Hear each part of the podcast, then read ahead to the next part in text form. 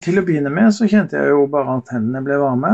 Så etter hvert så kunne jeg også kjenne at eh, det gikk sånn strenger av smerte opp gjennom underarmene mine. Veldig ofte hvis folk eh, har bestemt lidelse, så kan jeg fremdeles kjenne at eh, armene mine blir stramme. Eller at eh, jeg blir trett i armene når jeg holder på folk. Noen ganger kan det være prikking, andre ganger kan det være nesten som om jeg kjenner en nål stikke inn i fingrene mine.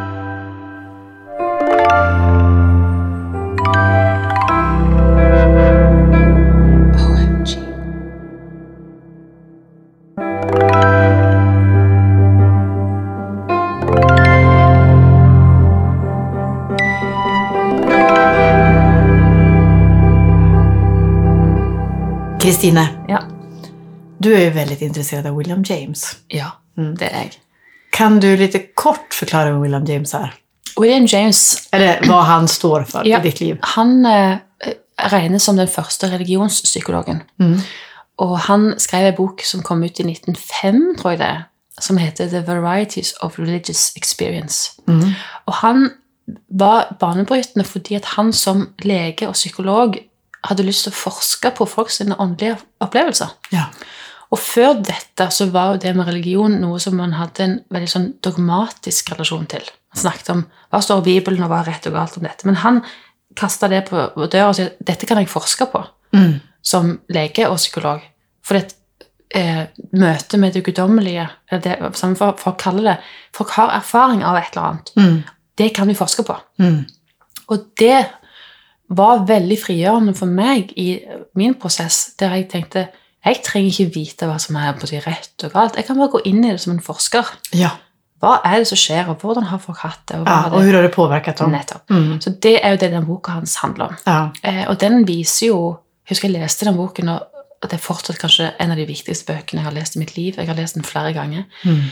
Han viser jo både hvordan psykologiske forutsetninger påvirker hva slags åndelige opplevelser folk har, Mm. og den viser også åndelige erfaringer helt på tvers av religiøse tradisjoner, Mm. og at mye av det virker ganske likt. Mm.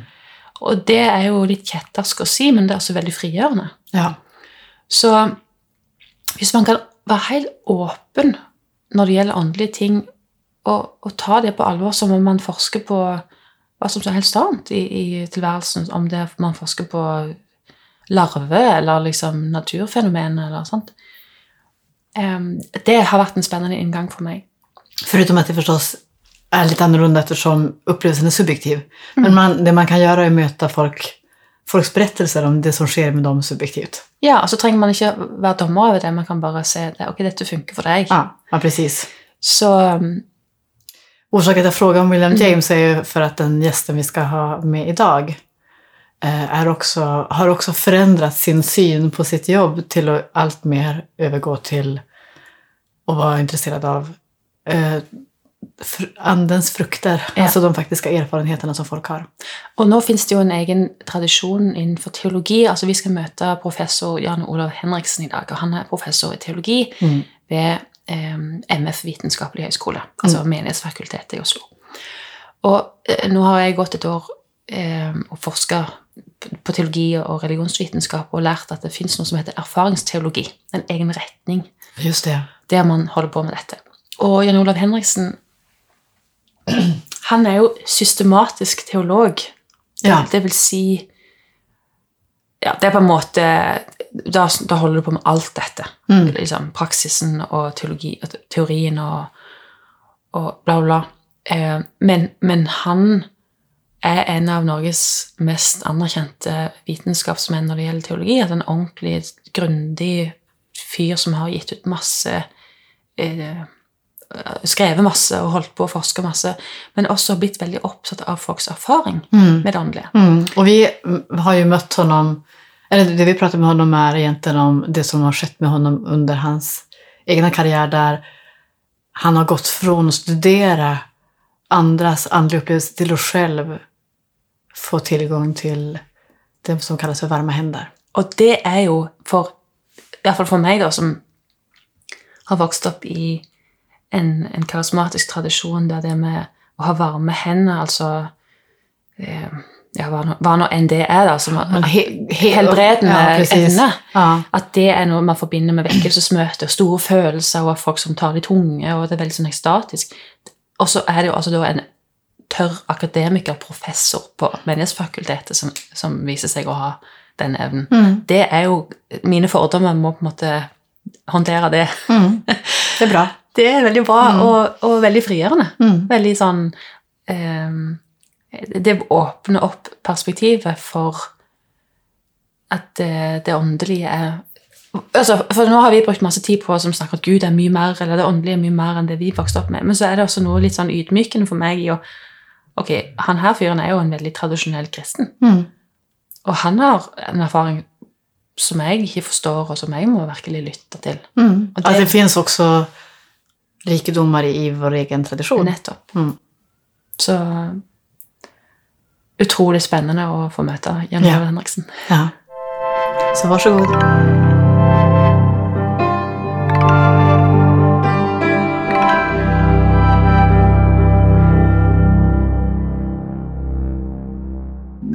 Henger sammen med flere ting at jeg begynte å interessere meg for dette. Det ene var at eh, jeg fikk mange henvendelser fra teologer og prester som eh, bestilte samtale da, og som eh, gjerne ville snakke med meg om en ting som jeg i utgangspunktet oppfattet som et eller annet spesielt teologisk spørsmål.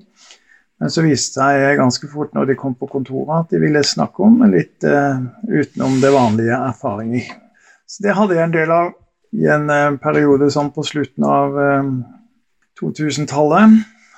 Og så samtidig med dette så eh, var jeg også involvert, siden jeg har jobbet ved Universitetet i Agder parallelt med på MF, så eh, var jeg involvert i doktorgradsprogrammet der, og der var det en eh, en eh, av de kandidatene der som eh, også er konservator på et museum, som satte opp en utstilling om folks religiøse erfaringer på Sørlandet. Og eh, en kveld så var vi sammen på en fest, og sammen med mange andre. Og selv om vi da var akademikere akademikere hele gjengen, så gikk det med oss som det ofte gjør i sånne sammenhenger, litt sent på kvelden i en sørlandsk prestegård, så begynner man å snakke om eh, spøker der, eller om andre sånne ting. Og eh, det som var interessant da, det var at, eh, at eh, veldig mange av dem som satt rundt bordet, selv om de var akademikere, og noen av dem også veldig veletablerte akademikere, kunne fortelle om eh, ulike typer erfaringer som vi kan kalle for eh, utenom eh, det ordinære eller hverdagslige. Ja. Så da vi gikk derfra, jeg og Katrin Papst, som hun heter, hun konservatoren, som jeg da skrev boken 'Uventet og ubedt' sammen med, så bestemte vi oss for at dette må vi skrive en bok om. Siden vi hadde da litt ulikt tilfang til sånne erfaringer. Da begynte jeg å lese meg opp på dette. Og eh, det er den ene bakgrunnen. Den andre er at eh, en eh, nærtstående person i min egen sammenheng var såpass i behov av hjelp når det gjaldt bestemte typer sykdom, på omtrent samme tid, at hun søkte hjelp hos en, en dame med varme hender. Og eh, de behandlingssekvensene der kunne jeg da eh, observere og undre meg over og prøve å finne forklaringer på. Og eh, i løpet av det året som jeg observerte det, så måtte jeg innse at her foregår det ting som jeg ikke kan forklare som vitenskapsmann, eller med bakgrunn i de eh, tilgangene som vi har til sånne måter å erfare ting på. Så da eh, kastet jeg etter hvert inn håndkleet, og på slutten av eh, det, det behandlingsløpet der, så eh, sa hun som da behandlet denne personen i min familie, at eh, Oi, du har fått varme hender, sa hun da jeg en dag tok henne på skulderen. Ja. Er det sant? Så det var starten på dette. Og så drev jeg og forsket på dette parallelt med at jeg langsomt har begynt å praktisere det selv. Og nå praktiserer jeg jo jevnlig med varme hender. Og hva er varme hender? Det må du forklare. Jeg vet ikke hva det er. Eh, men det, det, er altså det at eh, når en legger hendene på folk, så ikke bare blir hendene varme, men da blir jo også folk varme. Og det er en varme som er utover den som, eh, som du får dersom du bare legger hånden på en. Altså den vanlige, ordinære fysiske varmen som selvfølgelig genereres. Det kan bli brennhett, for å si det sånn. Litt avhengig av hva slags lidelser eller sånn det er snakk om. Det kan også være at folk blir eh, varme helt andre steder på kroppen enn der hvor hendene ligger. Det er litt avhengig av eh, hvor eh, energien eller hva det nå er, går. Eh, sånn at varme hender er på en måte et slags medium for å sette i gang prosesser som eh, har helende målsetting da, i, i, kroppen. Så det er en form for interaksjon der eh, hendene på en måte ikke er poenget, men der, der den type eh, helbredende muligheter som finnes eh, formidlet gjennom det som hendene da kan gjøre. Hvordan gikk det til når du selv fikk det? Hvordan kjennes det i deg? Ja, det har variert. Altså Til å begynne med så kjente jeg jo bare at hendene ble varme. Eh, men så etter hvert så kunne jeg også kjenne at eh, det gikk sånn strenger av smerte opp gjennom underarmene mine. Og eh, veldig ofte hvis folk har bestemt lidelse, så kan jeg fremdeles kjenne at uh, armene mine blir stramme. Eller at eh, jeg blir trett i armene når jeg holder på folk. Selv om jeg hviler hendene og armene da når jeg f.eks. holder folk på skuldre eller andre steder. Um, så Det varierer litt. Noen ganger kan det være prikking, andre ganger kan det være nesten som om jeg kjenner en nål stikke inn i fingrene mine. Det kan være litt vondt, men eh, da kan jeg ta hånden vekk og bare riste litt, så blir det borte. Har det noen form av emosjonell påvirkning på deg? Ikke i og for seg, nei. Det har det ikke. Men det har eh, Denne type behandlinger har nok eh, tidvis ganske sterk emosjonell påvirkning på dem som blir behandlet. Fordi at uh, er det én ting som dette har lært meg, så er det jo at vi er hele mennesker, og at skillet mellom kropp og sjel har ingen hensikt. Og uh, at uh, det finnes steder på kroppen der jeg kan legge hånden min, og så vet jeg at i løpet av tre minutter så kommer jeg nå til å få denne personens livshistorie, og da særlig de tunge tingene som vedkommende har båret på lenge, uten at jeg trenger å spørre eller noen ting. Tenker du da at noe av årsaken til den lidelsen personen har, henger sammen med den livserfaringen som vedkommende har? Ja, ja. Det tenker jeg. Ja. Og Dette vet jo forskerne godt om, altså denne sammenhengen. Og vi har norske forskere, f.eks. For Anne-Louise Kirkeengen og andre, som har liksom eh, tematisert dette på ulike måter i forskningen sin. Men det er ikke sånn at du forstår noe altså I karismatiske sammenhenger som jeg har vokst opp i, så kan man jo få kunnskapsord, eller Gud kan plutselig snakke til en når han ber for noen. Eller. Det er ikke sånn for deg? Eh, jeg tenker i hvert fall ikke om det på den måten. Jeg tror nok mer at det er snakk om intuisjoner, da. Som av og til kan, eh, kan opptre. Og det har jeg jo av og til hatt. Men eh, jeg er veldig tilbakeholdne ved å bruke dem aktivt. Jeg er mer spørrende enn jeg er påstående, for å si det sånn. Mm. Um, men jeg har jo hatt noen uh, veldig for meg også overraskende erfaringer når jeg har liksom spurt f.eks.: Har du gjort noe med hofta di? Og vedkommende kan svare da at uh, ja, hvordan vet du det? Nei, jeg vet ikke, sier jeg. men så kan vedkommende si jeg har virkelig skadet hofta mi, for jeg falt en gang av en hest. Ja. um, og det måtte jeg spørre om uten at jeg kunne observere noen ting, og uten at uh, jeg hadde noen som helst medisinsk uh, indikasjon på at det var noe der. Det var bare liksom intuisjonen som slo til. Hvordan da funker altså, tenkte du hofta, Hva tenkte du hofta plutselig? Eller? Nei, jeg vet ikke hvordan jeg kan forklare det. Det var mer sånn Intuisjon meldte seg, og intuisjon er jo en på en måte en slags spontan reaksjon på en type erfaring som er mer enn bare kognitiv, men som også har eh, sansemessige og noen ganger også emosjonelle komponenter. Fungerer det så at om du er i et rom med ukjente personer, kan du da kjenne av sånne saker hos mennesker som ikke har bedt om din oppmerksomhet? Ja, ja. Det kan jeg. Så, særlig i en periode når jeg var litt på Rikshospitalet, så var det litt vanskelig å gå i gangene, for da kjente jeg det veldig tydelig i hendene mine. Det er altså så fantastisk. Men hva tror du selv at det kommer ifra? Nei, det er, jeg har jo ingen forklaring på det. Altså det, det er jo noe som på en måte viser at vi er forbundet uh, som mennesker både med andre mennesker og med deler av tilværelsen på andre måter enn det vi har vært i stand til å formulere noen uh, ordentlig vitenskapelig forklaring på så langt.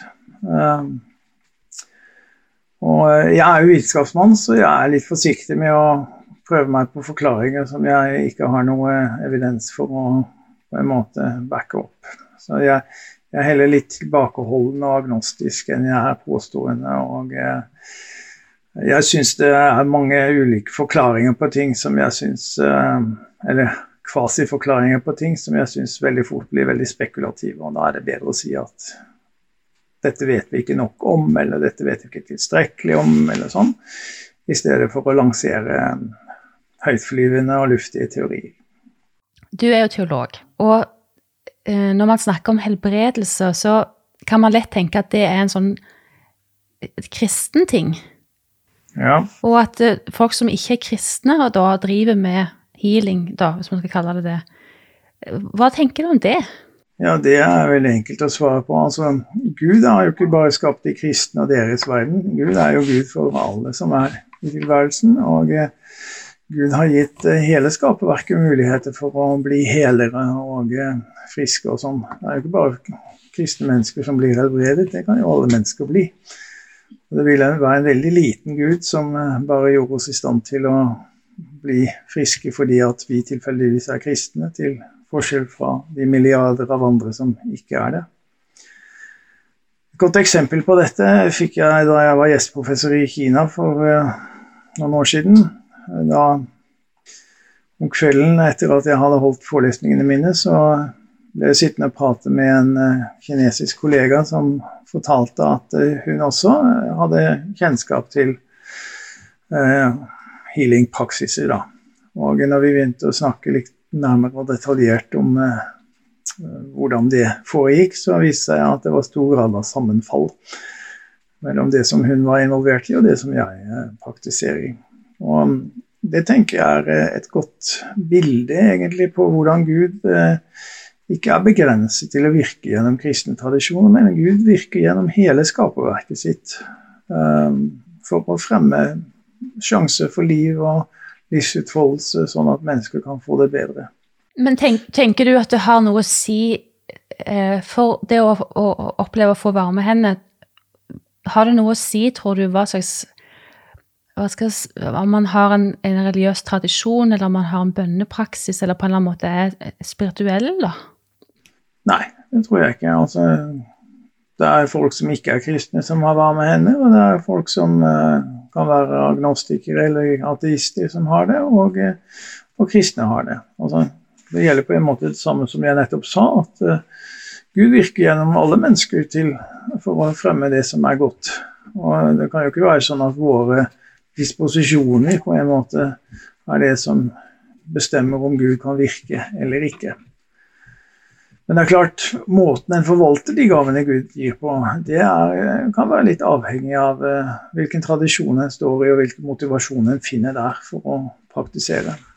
Om jeg forstår rett, så har du forsket på mennesker med denne typen av spesifikke åndelige gaver. Ja. Er, har det da vært mennesker som har inngått i et religiøst sammenheng eller ikke? Ja, jeg har i hovedsak forsket på mennesker som har en religiøs sammenheng. I kristet sammenheng? Eh, I hovedsak det, ja. Så opplever du noen større skillnader mellom en person som praktiserer det i en kristen kontekst enn en frilansende healer? Ikke med tanke på praksis, men med tanke på fortolkningsressurser, så kan de jo være veldig forskjellige. Um, og um, det betyr at de holdt på å si, fortolkningsmessige ressursene også kan gi seg veldig ulike uttrykk. Noen snakker jo om energier. Um, jeg vil kanskje mer si at det er uh, de helbredende kreftene som Gud har nedlagt i tilværelsen, som får hjelp til å virke på ulike vis, uten å si noe mye mer om det sånn med krav på å gi en vitenskapelig forklaring av det. Og um, så det kan eh, variere. Ja. Det som kanskje først og fremst er forskjellen på uh, en kristen praksis og andre uh, som jeg ser, det er jo at de aller fleste kristne som, som, praktiserer dette, de gjør ikke noen business av det. Altså, de ser det som en gave, og det er bare en gave fordi du kan gi det videre som en gave. Og Dermed så unngår de å liksom vikle seg inn i alle de komplikasjonene som er knyttet til en eller annen form for utvekslingsøkonomi. En ting er det som du snakker om med, med rett og slett varme hender, som du kan faktisk kjenne fysisk. Men det fins jo også folk som er veldig opptatt av troens evne til å gjøre deg frisk. Der man på en måte ber for folk i tro, da, og at man skal ta imot den gaven, uten at man nødvendigvis har en sånn varme hender-gave. Kjenner du til det, og hva tenker du om det? Ja, altså det er fint at folk eh, ber for andre og sånn, men eh, det er veldig viktig at vi ikke ser troen som liksom en nødvendig betingelse for at uh, folk skal bli friske, eller at man må ha et visst mål av tro. Um, min kone har jobbet i mange år på sykehus som sykehusprest, og hun har jo sett hvordan liksom kravet om tro for å kunne bli frisk har lagt tunge byrder til den byrden som sykdom allerede har på folk. Og eh, det har jo også på en måte vært viktig for meg å ha med at eh, det å si at eh, tro er liksom helt avgjørende her, det er ikke viktig. Når det er sagt, så vil jeg også si at det er klart at tro noen gang kan ha betydning. Og også det vi i medisinsk sammenheng kaller for placebo-fenomenet, det er jo også noe som på en måte samvirker med tro og på en måte kan genereres av, av tro. Og um, i den forstand så er det klart at tro også kan være en medvirkende faktor til uh, at helbredende prosesser kommer i gang. Men uh, jeg er veldig forsiktig med å si at sånn må det være, og at du må tro og sånne ting. Mange av dem som kommer til meg for å få hjelp, sier at uh, jeg er litt skeptisk eller litt spørrende. Da sier jeg at det er helt ok. Bare vær det. Altså. Men, men, det som er det du kan si er fordelen da, med den type behandling som jeg gjør, er at folk veldig fort kan kjenne fysisk at her er det noe som er på gang, som de ikke har opplevd før. Så fint. Ja. Denne typen av spørsmål får du sikkert ganske ofte, så jeg skal personifere den. Min pappa hadde en muskelsykdom så min uppväxt bestod av väldigt många helande möten. Um, och många tillfällen av att människor bad för min pappa. Uh, och han dog i sin muskelsjukdom. Mm. Och jag skulle inte på något sätt säga att det handlar om bristande tro. För han trodde in i det sista. Har du varit med om den typen av situationer att ingenting händer? Ja, ja. Det är, ikke så ofte at ingenting hender, men at andre ting skjer enn det som kanskje er forventet. Okay. Um, men ja, det har også uh, vært tilfeller der ingenting skjer i det hele tatt. Ja. Um, og uh, det er jo det første jeg sier til folk når jeg møter dem. Det er jeg garanterer ikke at dette kan hjelpe deg. Det er veldig viktig å ikke love mer enn en kan holde å være nøktern i eh, tilnærmingen til dette. Ja. Så jeg har eh, tre ting jeg sier som liksom er kontrakten for at folk skal kunne prøve å få hjelp av meg. Det ene er at jeg garanterer ikke at det virker. Det andre er at det vanligvis ikke er en quick fix, men at det altså setter i gang prosesser som virker over tid, og også virker uavhengig av den konkrete behandlingen. Og det tredje er at jeg sier at dette er ikke noe alternativ til andre typer gode behandlingsformer som du måtte inngå i eller ha behov for. Altså, kan ikke bruke behandling med varme hender som en unnskyldning for å dra til sykehus eller mm. gjøre en operasjon eller hva det måtte være. Det det er veldig viktig. Ja. Um, resultatet blir ikke alltid slik som folk har forestilt seg. Altså, det som er underlig, er at av og til virker det på andre ting enn uh, enn det bestillingen er. Um, og um, noe Det er jo ikke alle som blir friske, men altså f.eks. så kan uh, behandlingen virke lindrende, eller den kan uh, utsette konsekvensene av et uh, sykdomsforløp. Eller det kan gjøre at folk rett og slett kommer mer til rette med den sykdommen de må fortsette å bære på. Altså det er mange ulike faktorer i dette som kan spille sammen. Når du forteller, så tenker jeg på min egen erfaring i terapi, der jeg fikk en slags grunnforståelse av at jeg er elska. Ja. Det har jo fortsatt å virke i meg etter at jeg slutta i terapi. Mm. Sånn at det, den, den, naturlige prosessen av Kall det helbredelse, da.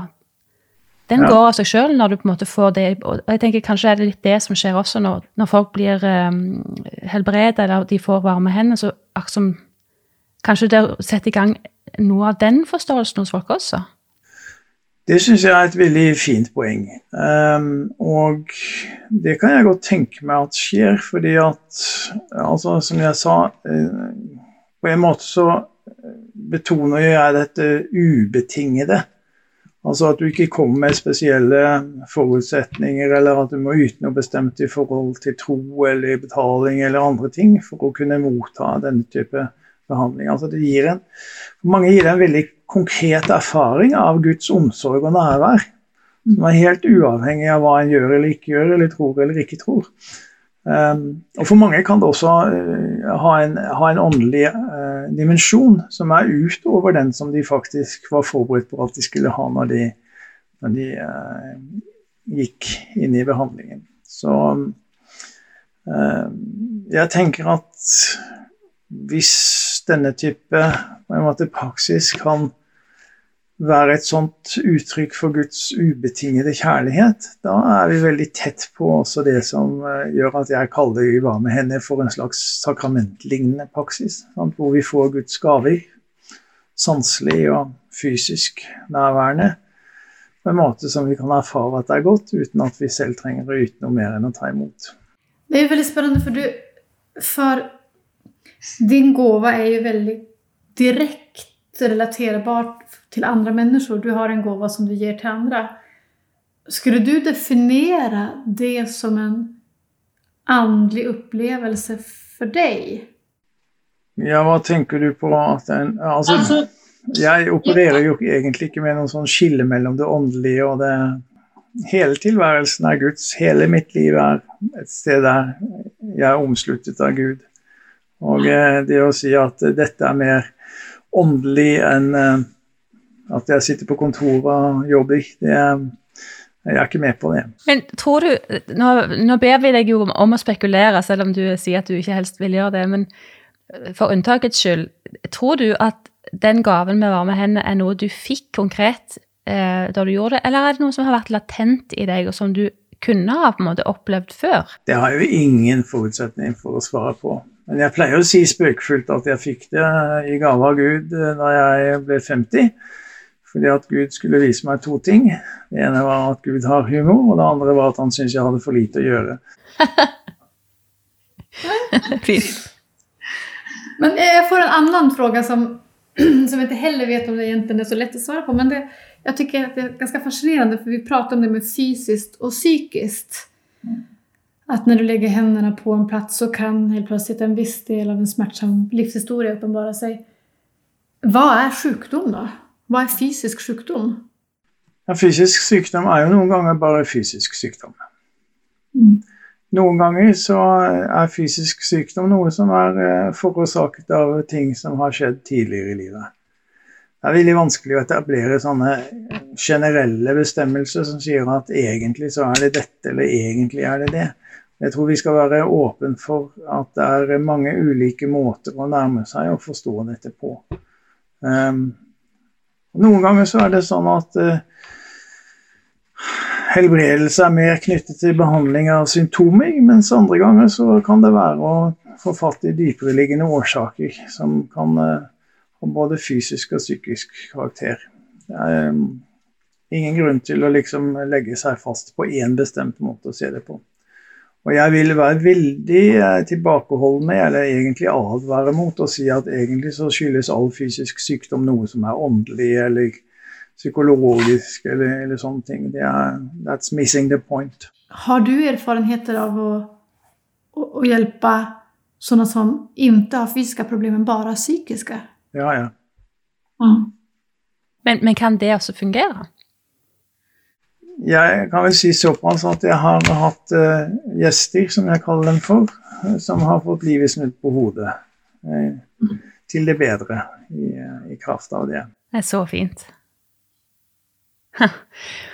Ok, så dette var jo noe som du på en måte kom inn i gjennom en, en akademisk interesse. Hvordan har ditt liv forandra seg etter at du fikk være med henne? Jeg har fått det mer travelt. Og så har jeg nok uh, i mye større grad begynte begynt å vektlegge erfaringsdimensjonen i teologisk arbeid, for jeg er jo professor i teologi. Og um, jeg har ikke lenger så mye å si, tålmodighet med teologi som ikke på en eller annen måte er knyttet til eller hjelper oss å komme til rette med erfaringer. Altså, spekulativ teologi har jeg en liten sans for, eller ren skrivebordsteologi. Og det, det, kan jeg si selv om jeg liksom har brukt hele mitt liv på å være religionsfilosof, og dermed driver med den mest abstrakte formen for teologi som vel kan finnes. Gud har humor, sier du. Ja. Vi, vi tror jo på en sjenerøs Gud. En sjenerøs Gud må ha litt humor, ha litt romslighet. Når jeg snakka med deg på telefonen før dette, så, snak, så, tok vi begge opp William James. Kan du fortelle litt om han, og hva du er interessert i med han? Ja, det er mange ting med William James, men det som på en måte var utgangspunktet mitt for å begynne å liksom gå mer inn i det, er at jeg har jobbet nå med, med pragmatistisk eller pragmatisk filosofi som en måte å finne et rammeverk for noe av det jeg holder på med med erfaring av teologi og sånn. Og William James sier at religiøs erfaring det er erfaring der det er to, som, det er to komponenter som er eh, sammen. Det ene er erfaringen av at noe er galt med meg. Um, han kaller det for wrongness. Um, det er et uoversettelig engelsk ord. Wrongness. Galthet. Eller, altså noe er galt. Men det kan være hva som helst. Og så er det en komponent til, og det er da eh, det at en kan alliere seg med krefter utenfor seg selv på en måte som gjør at en kommer ut av denne tilstanden av wrongness. Og det er på en måte da Eh, kombinasjonen av disse to, det er jo da, eh, om en skal lese det i sånn mer tradisjonelt um, teologisk perspektiv, så kan en si at den grunnleggende religiøse erfaringen, det er erfaringen av frelse. Altså av at wrongness blir overvunnet av eh, noe utenfor oss selv som gir oss sjanse til å ikke lenger være i den tilstanden. Eh, men hva wrongness er, det kan jo være all verdens forskjellige ting.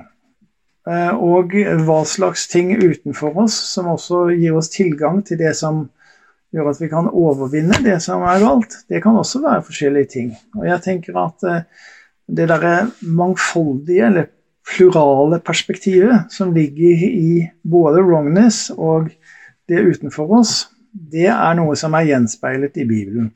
Altså, Jesus sier ikke bare 'din tro har frelst deg' til dem som kommer og lurer på om de skal tro på den ene eller den andre måten, men det er mennesker som har ulike former for lidelse, det er mennesker som er i en eller annen vanskelig livssituasjon osv. Så, så, videre. så eh, det bibelske begrepet om synd, eller wrongness, og om frelse, er mye videre enn liksom det som vi ofte får i sånn mer uh, ensidig kristen forkynnelse. Og Det syns jeg William James på mange måter gir et også et teoretisk grunnlag for å, for å uh, formulere. Samtidig så er jo uh, James også veldig opptatt av på hvilken måte troen ikke bare handler om liksom hva vi har i hodet, men at den er noe som berører hele følelseslivet vårt.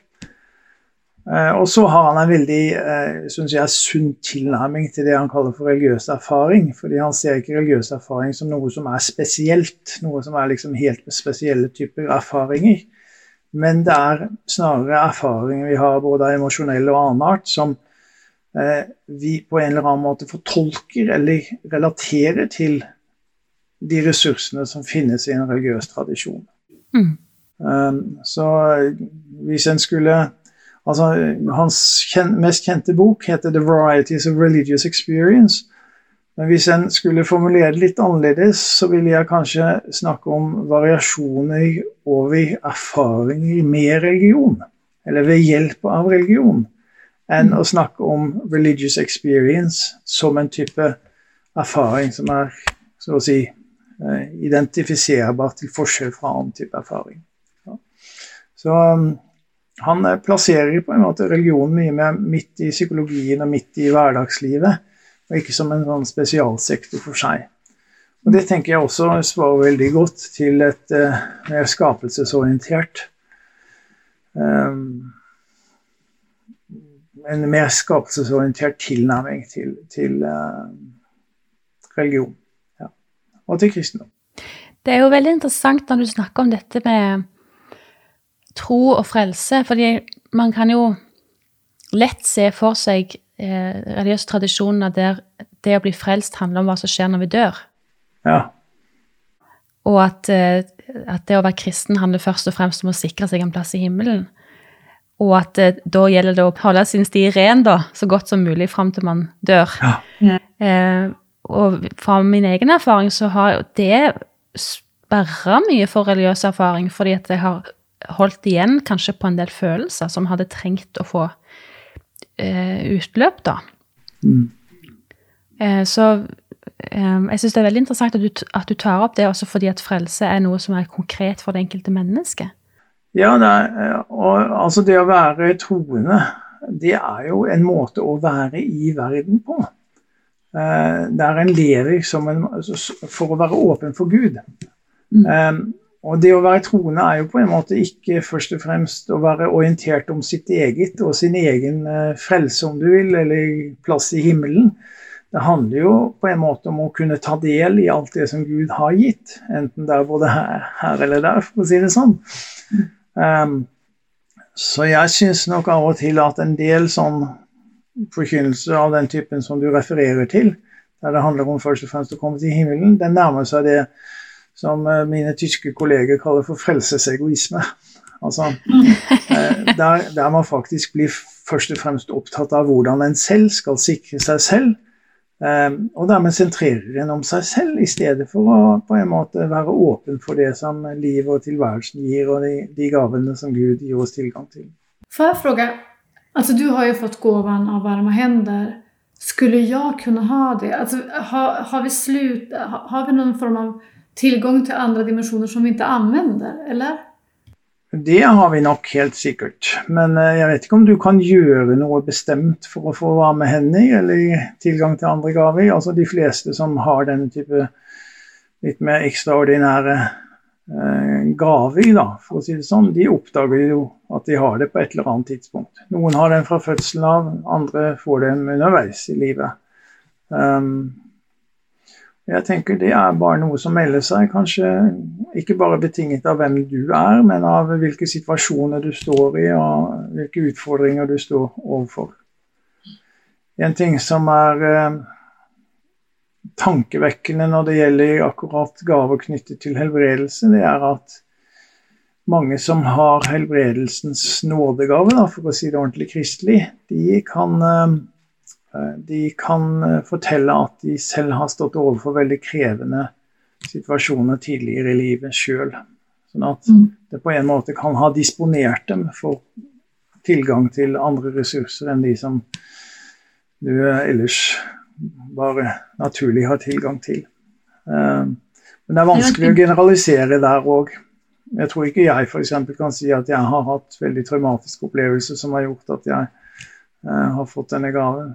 Hvis man nå skal få lov til å spekulere litt, eh, det at du har vært nysgjerrig på det, eller åpen for det, at det har hatt noe å si?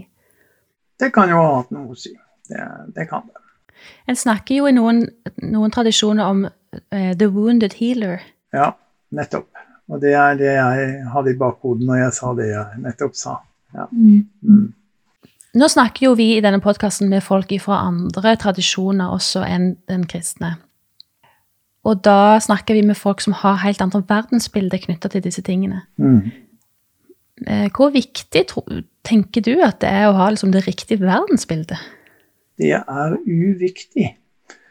Um, fordi det handler jo noe om hvilke ressurser en har tilgang til når det gjelder klokskapen til å praktisere på en god måte. Mm. Um, jeg tenker jo at uh, for noen så er jo også noen faktisk i, i, deler av den kristne tradisjonen, så har jo det å kunne praktisere helbredelse vært en anledning til å enten sko seg økonomisk, eller til å stille seg selv i et veldig sånn strålende lys. Uh, på en måte som jeg mener er i motsetning til den type forvaltning av uh, Guds gaver som vi egentlig burde da praktisere. Um, jeg tenker nok også liksom at det å etablere veldig fasttømrede eh, ideologiske såkalte forklaringer i gåseøynene på, på dette ut fra den ene eller annen tradisjon, det tror jeg jeg også ville være litt forsiktig med. Eh, og derfor så, så, tenker jeg at eh, det kan ha betydning hvilken religiøs eller annen tradisjon du fortolker denne type praksis ut fra, men det trenger ikke å ha det. Altså, det er veldig avhengig av i hvilken grad en først og fremst er åpen for og i stand til å ivareta dem som trenger hjelp. Og eh, Hvis en er det mer enn en er interessert i å mele sin egen kake eller befeste sin egen posisjon, så tenker jeg at eh, da er det ikke så veldig viktig grunnen til at jeg spør om akkurat dette, det er jo nettopp det med, med, pragmatismen. Som jeg ble så glad i når jeg leste William James, fordi at han frigjorde meg veldig fra veldig mye av dette. Eh, å måtte tro på en bestemt måte når jeg ikke har noen forutsetning for å vite noe om akkurat det. For veldig mange ganger når vi holder på med religiøse spørsmål, så snakker vi jo om ting som det er mulig å sjekke. Ja. Um, og der er jo pragmatismen på en måte en veldig uh, nyttig uh, innfallsport, fordi at den sier jo at uh, ting starter i erfaring og ikke i dogmer. Og i, i, bestemte kognitive oppfatninger. Og det svarer jo helt til hvordan vi lever livet ellers. Sant? Vi utvikler kunnskap og tilegner oss kunnskap ut fra hva vi trenger. Og det vi trenger, er bestemt av hvilke typer erfaringer vi møter og står oppi. Om jeg skulle ha sagt til mine foreldre at jeg skulle gå til en healer som inte verkade inom kristen tradition, då skulle de ha blivit rädda att jag skulle dra på mig eh, andemakter som inte är goda. Hade det skett för dig också, Kristina? Ja, det tror jeg. Ja. Hva sier du om den typen av tanker? Da vil jeg nok spørre hva det er som er grunnlaget for å påstå noe slikt.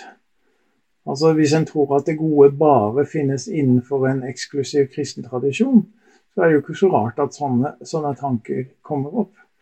Mens jeg vil nok si at uh, det er en veldig begrensende måte å forstå Guds virke i verden på. Og det, det gjør jo en Gud til en Gud eksklusivt for de kristne. Uh, men jeg tror jo det at uh, folks redsel for det de ikke forstår, og det de ikke kjenner, eller ikke kan forklare, eller det som ikke passer med det de er vokst opp med, det kan jo veldig fort gjøre at de tar til den type forklaringer for liksom å holde dem på avstand. Den type praksiser som, som det da er snakk om her. Så jeg ehm, De eneste gangene jeg har møtt den type fortolkninger, er når jeg har holdt foredrag om dette, og jeg skjønner at folk er bekymret for det fordi de ikke får det til å passe med den type kristen tro de allerede har vokst opp i. Ja. Mm. For å følge opp det han spør om, og fra et teologisk perspektiv, hvor, hvor kommer dette med liksom, eh, engler og demoner inn hen? Hvor skal vi gjøre det oppi dette? Jeg vet ikke om engler og demoner har så mye med dette å gjøre. Jeg tenker I forhold til, i forhold til alle de, um, de menneskene du har møtt med forskjellige typer åndelige erfaringer, da, alltid fra spøkelser og ja. Ja, nå har ikke jeg eller vi forholdt oss så mye til, til, det som har med demoner og demonisering å gjøre. og Stort sett så ser jeg jo det som et sånt psykiatrisk fenomen. Um, og um, det tror jeg det er gode grunner til. Og um, også tung psykiatri tenker jeg man skal holde seg unna eller overleve, overlate til andre å ta seg av. Um, men det at man i alminnelige kristne sammenhenger for raskt tyr til forklaringer som er basert på engler eller demoner, når man liksom eh, står overfor ting man ikke kan forklare, det tenker jeg det er eh, å gå for fort inn i noe som likevel ikke har noen spes spesiell forklaringskraft. Eller som ikke er til hjelp. Altså Hvis en skal vurdere hvilke fenomener eh, som er gode og tjenlige og ikke, så kan en spørre om spørre enkle spørsmål som eh, Var dette noe som du opplever at eh, ga deg et bedre og friere liv? Var dette noe som ga deg tydeligere um, indikasjon på hvordan Gud vil det gode i livet ditt? Og uh, gir dette deg en mulighet til å se Jesus som en som gjorde helbredende ting som fremdeles kan skje i verden i dag? Altså, sånne, sånne spørsmål kan en spørre om. Og hvis Gud blir borte, eller hvis eh, på en, eller annen måte dette kompliserer forholdet til Jesus, så vil jeg spørre om ok, da er det kanskje ikke så bra. Men det har jo å gjøre med at jeg tenker at Jesus er på en måte den helt konkrete historiske og sansbare erfaringen vi har av den omsorg som, som Gud har for oss i tilværelsen. Og han er et, eh, et bilde på hvem den omsorgsfulle og kjærlige Gud er. Og det bildet må ikke bli uklart. Jeg er jo fryktelig nysgjerrig på liksom, flere av dine historier rundt disse tingene, men jeg skjønner jo også at det er kanskje vanskelig å snakke om. Jeg har skrevet litt om noen av dem i, i den lille boken jeg skrev for et par år siden som heter 'Hva med Henning'.